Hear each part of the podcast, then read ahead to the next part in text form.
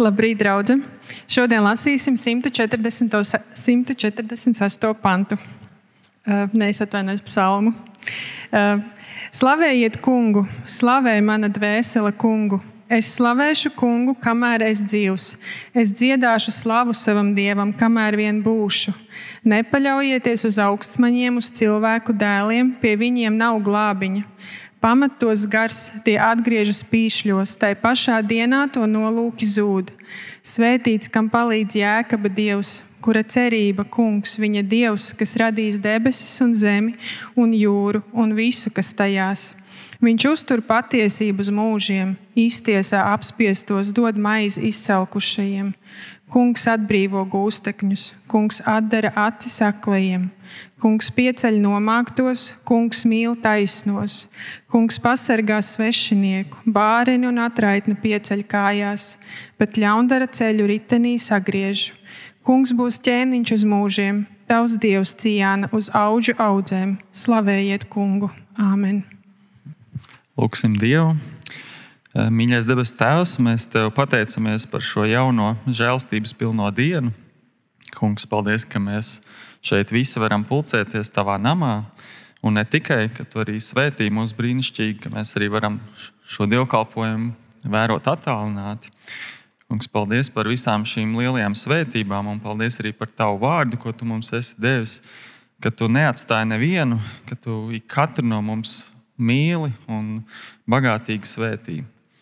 Kungs, lūdzam arī par šo dievkalpojumu, tīpaši par Matīsu, par mūsu mācītāju, kas tūlīt sludinās. Kungs tiešām dod, ka, ka viņš spēj pasakīt mums īstos vārdus, kas atver mūsu sirdis, kas mūs aizskar mūsu sirdis un, un īpaši uzrunā un dod, ka šis dievkalpojums īpaši ikatram mums iespiežās sirdī un ka, tas, ka to mēs visu varam pielietot mūsu dzīvēm jā, tiešām lūdzam, ka tu mūs īpaši svētī šodien.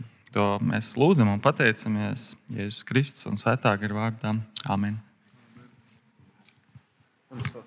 Paldies!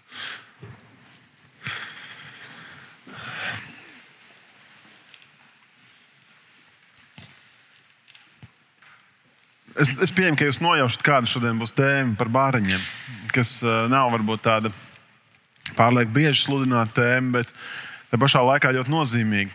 Un, uh, Latvijā mēs uh, novembrī sākumā atzīmējam Bāriņu svētdienu, šķiet, jau astoto gadu. Un, uh, un tā situācija valstī mums ar, ar, ar, ar bāriņiem šķietami uzlabojas. Vismaz tā situācija uzlabojas. Jo, kā Edgars minēja, šobrīd ir apmēram 500, mazliet vairāk nekā 500 bērni bērnamos vai kādās iestādēs, un, uh, kuriem nav vecāku, vai arī kur vecāki nevēlas vai nespēja par viņiem parūpēties. Nu, piemēram, tad, kad bāriņu svētdienas tika nu, iedibinātas šeit Latvijā, tad tā situācija bija daudzkārt sliktāka. Tad bija apmēram 2500 bērni šajās iestādēs.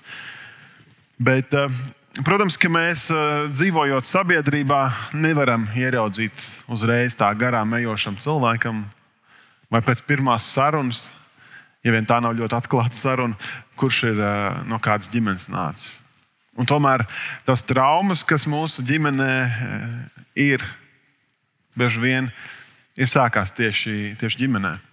Mūsu dzīve tās pavada cauri caurim, un tas, kā mēs tālāk dzīvosim, kā mēs tālāk veidosim savu ģimeni un savu dzīvi, lielā mērā sāks mūsu bērnībā.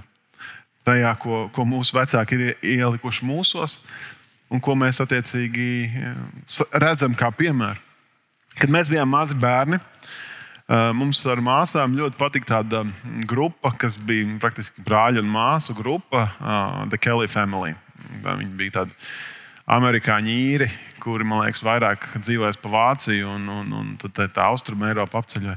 Viņiem bija dažas ļoti slavenas, nu, vismaz mums likās ļoti slavenas dziesmas, kas mums ļoti patika. Un viena no tām bija, mēs, mēs bijām kādi nezinu, septiņgadīgi, astoņgadīgi bērni. Mēs īsti angliski vēl nerunājām. Varbūt tur varēja pateikt, Ketis Braun vai kaut ko tamlīdzīgu. Bet uh, bija viena dziesma, kas mums ļoti patika. Un uh, tie vārdi bija apmēram, nevis apmēram, bet tādi: Every baby needs a mama. Nīca, papā. Un tad mēs nevarējām vairs izrunāt, ko tur tālāk dzied. No. Bet tie vārdi mums iespiedās. Mēs vienmēr varējām mājās viņus dziedāt un, un dungot. Un, un, eh, bet tā dziesma pēc būtības ir par to, ka katram bērnam vajadzīgi abi vecāki, kas par viņiem rūpējās, kas ir tuvumā, kas nav viņus atstājuši, kas nav viņu, no viņiem novērsušies. Un, uh, Es domāju, ka daudz no mums ir saskārušies dzīvē ar to, ka nav abu vecāku, ka nav tēva vai ka nav mammas. Vai nu viņi ir miruši, vai viņi ir izdarījuši kaut kādas izvēles, kā iemesla, kas ir par iemeslu, ka viņi nav klāt. Varbūt tur ir iesaistītas atkarību izraisošas vielas vai kādas noziedzīgas procesi, kā iemesla dēļ viņi ir cietumā. Reizēm eh, šie cilvēki šķietami ir ļoti labi ārēji, bet uh, viņi ir tā ierekušies darbos, ka viņi fiziski nav mājās. Un, protams, ka ir eh, šī cilvēku grupa, kuriem, kuriem nav vecāku. Vai nu viņi patiešām ir abi divi miruši, bet daudz biežāk mūsdienās nav runa par to, ka abi vecāki būtu traģiski gājuši bojā. Daudz biežāk ir tā, ka tie vecāki ir atteikušies no savām vecāku tiesībām, vai vienkārši sava dzīvesveida dēļ nav spējīgi parūpēties par tiem bērniem.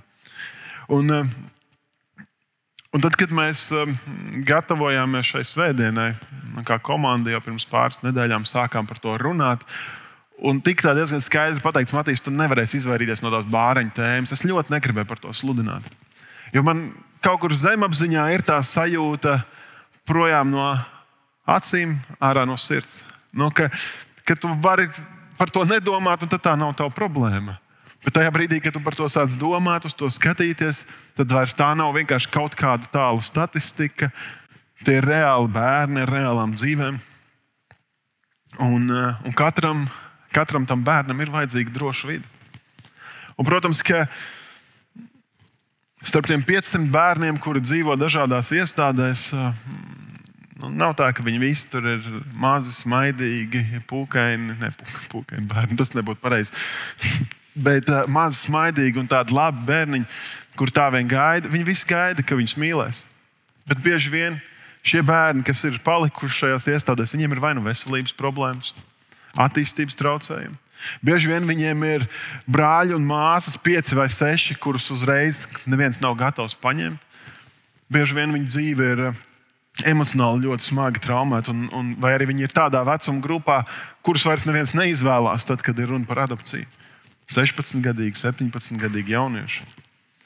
Un, un kad es, eh, es runāju ar Kasparu Prūsu, kurš ir Bāriņa eh, alianses, eh, viens no valdes locekļiem un, un atbalsta centra tilts vadītājs, viņš jau teica, ka tā statistika ir gaužām bēdīga tie bērni, kuri izaug šajā sistēmā, ja viņi ne, nenonāk labā ģimenē, ja viņi nav redzējuši to labo piemēru, tad eh, nu, viņi visdrīzāk sevi atražos. Viņi aizies lielajā dzīvē bez lielās dzīves pieredzes. Viņiem, viņiem piedzims bērniņi, kuri visdrīzāk atkal nonāks šajā sistēmā. Un tas ir tāds, tāds šķietam bezgalīgs cikls, no kura nevar izlausties. Ļoti mazs ir tas procents, kuri nostājās uz savām kājām, ja viņi ir uzauguši šajā sistēmā un nav redzējuši pozitīvu piemēru. Un, eh,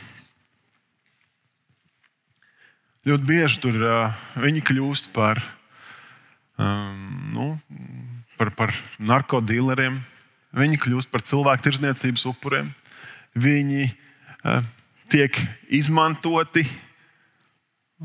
Viņi Viņi paši ieslīgs dažādās mm, dzīves problēmās. Starp citu, šajā brīdī, mm, šajā laikā Latvijā kinoteātros ir viena laba filma ar, fil ar nosaukumu Māsas. Tā ir Ants Soltis veidot filmu, kā reiz par šo tēmu, viņa ļoti kvalitatīva un labi. Bez lieka tāda izskaistinājuma vai bez lieka, lieka kaut kāda patos ir um, izveidot ļoti daudz konsultējoties ar ekspertiem un speciālistiem, parādot, kāda ir tā spriedze šajās ģimenēs. Kā tur no paudzes paudzē tās problēmas atkārtojas un kādas, kādas ir tā bērna gaidas un expectācijas no dzīves. Tajā brīdī, kad tur, piemēram, parādās potenciāli adopt, adoptēt gribošu ģimeni no Amerikas. Es noteikti iesaku jums uh, atlicināt pāris eiro un aiziet uz kino, noskatīties šo filmu. Bet, ja iestādēs mums ir apmēram 500 bērnu, kuriem ir vajadzīga, mm, vajadzīga ģimene, vajadzīga mīlestība, es domāju, mēs katrs tajā domājam, tā Matīs rādīs ar pirkstu. Teiks, kuram jāiet adoptēt, vai kuram jākļūst par augu ģimeni, vai par aizbildni. Nu tā, nezinu, reizē labā ziņa un skaudrais skatījums spogulī ir tas, ka Latvijā ir vairāk nekā 500 kristiešu ģimenes, kurus varētu uh, ieaicināt savā, savā vidū kādu. Parūpēties par to, kurš ir bērns, kurš ir atstumts, kurš ir viens, kurš ir tajā sistēmā, no kuras cilvēcīgi ne, nevar tikt ārā, kur ir vajadzīga tā dievišķā iejaukšanās, es gribētu teikt. Un, ja mēs skatāmies uh, uz kristiešiem, kāpēc mums vispār par to būtu jārūpējas? Jo mēs varētu teikt, nu, mēs dzīvojam valstī ar pietiekami normālu to sistēmu. Protams, nu, bēdīgi vai ne tā cīniski varētu sākt kaut ko tur runāt. Tā ir sociālo dienestu atbildība, tā nav mana atbildība, kur mēs lienam. Un tomēr, ja mēs skatāmies Bībelē, tad, uh, tad Dievs jau no vecās derības praktiski paša sākuma uz savu tautu runā, ka ir jārūpējas par par bāriņiem. Vēl vairāk viņš pats portretē to, kā viņa sirds par to deg, jo dievam rūp. Psalmos mēs lasījām 146. psalmu, nolasīsim tagad 68. 68. psalmā ir rakstīts, ka Dievs ir bāriņu tēvs un atraitņu aizstāvis. Tad, tad katram šim bērnam, kuram nav bioloģisko vecāku, bet viņi ir piedzimuši, viņi aug, viņi ir dzīvi, Dievs saka, es esmu jūsu tēvs, es esmu jūsu aizstāvis. Un šeit mēs redzam arī 146. psalmā. Kungs pasargā svešinieku, bārenu un atraitni pieceļ kājās, bet ļaundaru ceļu ritenī sagriež. Viņš parāda, cik ļoti Dievs nefokusēs tikai uz vienu cilvēku grupu. Viņš fokusēs uz katru, kurš ir šajā dzīves uh, problēmās. Vienalga, vai tas būtu vientuļš svešinieks, kurš ir svešā zemē un nevienu nepazīst un neizprot kultūru, vai tas būtu bērns, kuram tajā laikā nebija pat, pat bērnam, kurā būt. Viņam bija pēc būtības pašam jāmeklē veids, kā izdzīvot. Vai atraitne, kura ir palikusi viena, ka viņas vīrs ir miris. Un viņa savā sirmumā nespēja vairs tikt galā, nekādus fiziskos darbus nevar paveikt. Viņš saka, es šādus cilvēkus gribu piecelt. Es gribu šos cilvēkus par viņiem parūpēties. Es šiem bāriņiem gribu būt kā tēvs. Tas ir tas, ko Dievs mums rāda. Jo viņam rūp katra cilvēka dzīve. Un, un mēs varam ieraudzīt to tādā fiziskā veidā un domāt, kā Dievs to risinās. Un Dievs ļoti bieži savu risinājumu ved un rāda caur savu piemēru, kā Viņš rūpējas par, par savu izredzēto tautu un kā par saviem bērniem, par, kri, par kristiešiem. Redz, mēs, ja tā skatāmies, mēs varam ieraudzīt, ka, ka Dievs arī adoptē. Ja viņš šeit raksta, es esmu bāreņu tēvs, viņš adoptē. Viņš saka, es būšu, es rūpēšos. Un mēs, kā kristieši, nu, kurš no kādas ģimenes nācis, ir kas no ļoti labām un brīnišķīgām tādām ģimenēm nākuši, ir tādi, kur ir gājuši ļoti daudz kam cauri. Bet Dievs mūs ir ieaicinājis no mūsu grēcīgās traumētās, salauztās dabas, viņš mūs ir ieaicinājis savā ģimenē, sauc par saviem bērniem, sauc, ļauj mums saukt vienam otru kā brāļus un māsas, ka mēs esam tā garīgā ģimene. Pāvils Vēstulē Efeziešiem raksta, ka Dievs pēc savas gribas labā nodoma. Viņš jau iepriekš nolēmis, ka mums būs viņa bērni būt caur Jēzu Kristu. Tad Dievs šo tēva piemēru rāda ka Viņš caur Jēzu Kristu ir gatavs adoptēt mūs, ieaicināt savā, savā ģimenē un pieņemt kā savējos. Rūpēties kā par savējiem, nevis atstumt, nevis novērsties. Tu un es mēs esam adoptēti Dieva ģimenē. Jo katram ir nepieciešama gan šī fiziskā ģimene, kur ir, kur ir piemērs, no kā mācīties, kā rūpēties, kā mīlēt, kā gādāt, kā strādāt. Un tad mums ir vajadzīga arī šī garīgā ģimene kurā mēs varam viens par otru lūgt. kur mēs varam viens otru stiprināt, kur mēs varam tuvoties mūsu dzīvajam Dievam. Un tad tas veids, kā Dievs rūpējās par tiem bāriņiem, kas ir šajā brīdī, viņš ļoti bieži dažādus sociāli raksturu jautājumus risina caur draugu. Vecā derībā caur tautu, Izraēlu tautu, ko arī mēdz Bībelē saukt par Izraēlu draugu. Un tad jaunā derībā pamatā caur kristiešiem. Un, eh, piemēram, caur likumdošanu. Bībele runā par to, ka bērnam un atraitnē viņai ir pieejama daļa no ziedojuma, lai viņš varētu iztikt. Bet, kā jau teicu, bieži vien šie cilvēki tiek apspiesti. Bet 5. mūža grāmatā, 10. nodaļā, ir rakstīts, ka Dievs ir taisnīgs pret bērnu un atraitni un mīl svešinieku un dod tam maizi un drānas. Kā tad Dievs dod? Nu, mēs varētu atrast Bībelē pantu, kur Dievs sūta kraukļus, lai pabarotu kādu. Vai, Vai varētu noteikti atrast Bībelē piemēru radīšanas stāstā, kur Dievs nogalina lopiņus un uztaisa apģērbu Ādamam un Ievai, kad viņi tiek izraidīti no ēdienas dārza. Bet daudz biežāk Dievs parāda standartu, pēc kāda mums būtu jādzīvo. Un tad mums, kā draudzēji, kā viņa dieva bērniem, ir jārāda viņa raksturs šeit virs zemes. Jāparāda, kā mēs varam izdzīvot to. Un, protams, ka Mums katram ir simt un viens iemesls, kāpēc mēs, nu, labi, varbūt simt un vienu mēs neizdomājam, bet mēs izdomājam pietiekami daudz un labus iemeslus, kāpēc uz mani tas neatiecas. Nu, tur šeit, šajā sekcijā mēs esam pārāk jauni. Nu, pirmā dievkalpojumā kāda teiks, mēs esam pārāk veci, kāds teiks, man ir pārāk mazs dzīvoklis, pārāk maz ienākumi, pārāk grūta dzīve, es esmu pārāk nestabils emocionāli, vēl kaut kas, kādas veselības problēmas. Un tie visi ir īsti un normāli iemesli. Tie ir pilnīgi normāli iemesli, bet es domāju, ka mums, kā Dieva bērniem, ir vismaz jāiz, jāiziet tas ceļš savā galvā cauri. Dievs, ko tu gribi, lai es daru? Kā es varu? Tu ļoti skaidri nodefinēji, ko tu sagaidi, ka mēs darām, bet kā es tajā manā dzīves situācijā varu piedalīties. Tad, kad uh, mēs ar uh, Elīnu, manu sieviņu, bijām sagaidījuši mūsu meitiņu, Emu, Es neatceros precīzi, cik viņai bija mēneši. Noteikti mazāk nekā gads. Es domāju, ka bija mazliet vairāk nekā pusgads.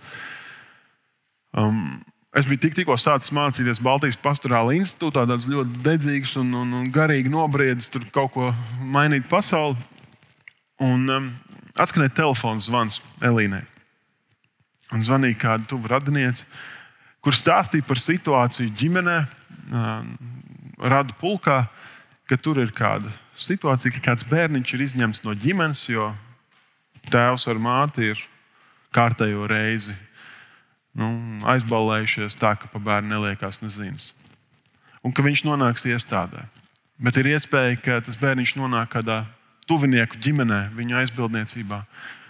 Un ka tur tiek pāraudzis jau kādas saites ar bioloģiskiem vecākiem, ja vien kāda ģimene ir gatava uzņemties kā, kā par saviem. Un mēs tajā brīdī domājam,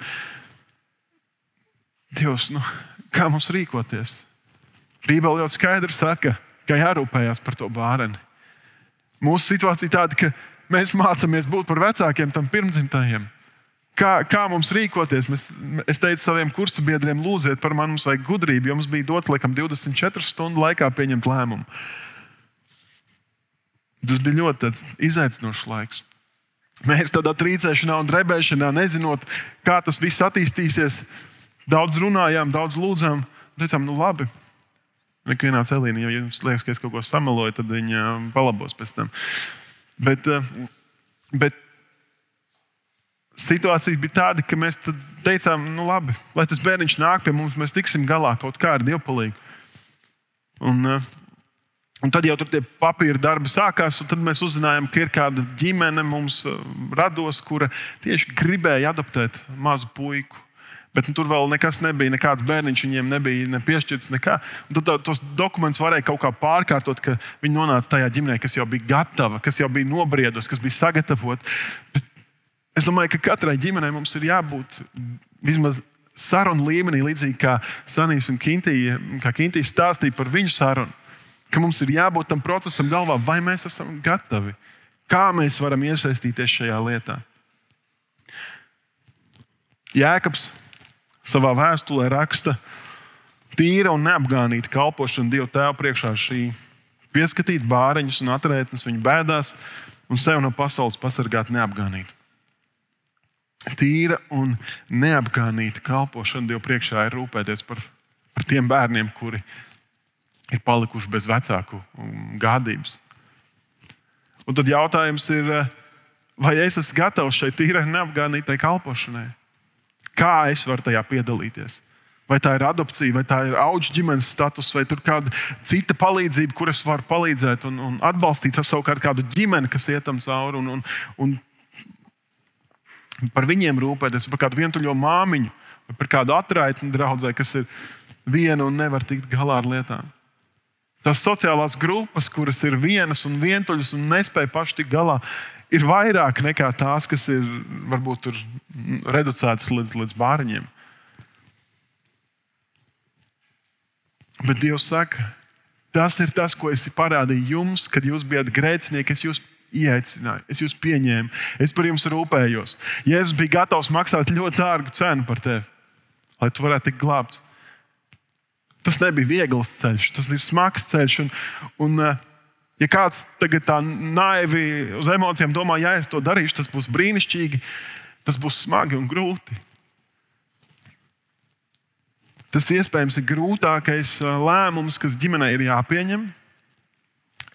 Un tas nes līdzi daudz, daudz asaras, daudz sāpes. Un tomēr tas ir vērts. Tas tas, ko Bībele mums rāda, tas tas, ko Jēzus izdara mūsu labā. Un tas, mēs nevaram izmainīt visu pasauli, bet mēs varam izmainīt viena bērna dzīvi. Mēs varam izmainīt viņa pasauli. Mēs varam, mēs varam uh, parādīt godu Dievam, ko Viņš ir izdarījis pie mums. Un, kad Jēzus runā par, eh, par tiesu, Mateja evanģēlijā, 25. nodaļā, viņš saka tādus interesantus vārdus. Ka tiesas dienā ķēniņš runās ar cilvēkiem, un viņš teiks, patiesi es jums saku visu, ko jūs esat darījuši vienam no šiem mazākajiem brāļiem, jūs esat darījuši man. Un tieši otrādi arī kur jūs esat izlikušies, neredzam problēmu, neieraugot to cilvēku, tad to esat darījuši man. Protams, ka mēs visi nevaram kļūt par augu ģimenēm. Mēs visi tam neesam noteikti gatavi. Un patiešām ir objektīvi iemesli, kādēļ varbūt mēs nevaram. Un tomēr Latvijā ir pietiekami daudz kristiešu ģimenes, lai šī problēma netiks atrisināti visiem laikiem, bet viņi var tikt samazināti. Un iedomājieties, kā būtu, ja Latvijā būtu nevis 500 bērni, bērnu namos, bet 500 ģimenes, kuras ir gatavas tajā brīdī, kad ir tas viens bērniņš, ņemt pie sevis. Kad draudzene var būt vieta, kur, kur ja ienāk jauna meitene, kur gaida bērniņu, un tas uh, vīrietis ir viņu pametis, un viņai ir lēmumi priekšā, ko darīt veikt abortu vai dot dzīvību, kad draudzene var būt tā vieta, kur viņi saka, dzīvība ir svēta. Mēs tev palīdzēsim, mēs būsim tev līdzās. Un man ir prieks zināt, ka Matejā ir bijuši šie lēmumi. Ka, ka draudzes vadība ir teikusi, mēs parūpēsimies, mēs būsim līdzās. Man ir prieks zināt, ka Matejā ir ģimenes, kas ir uzņēmuši savā vidū.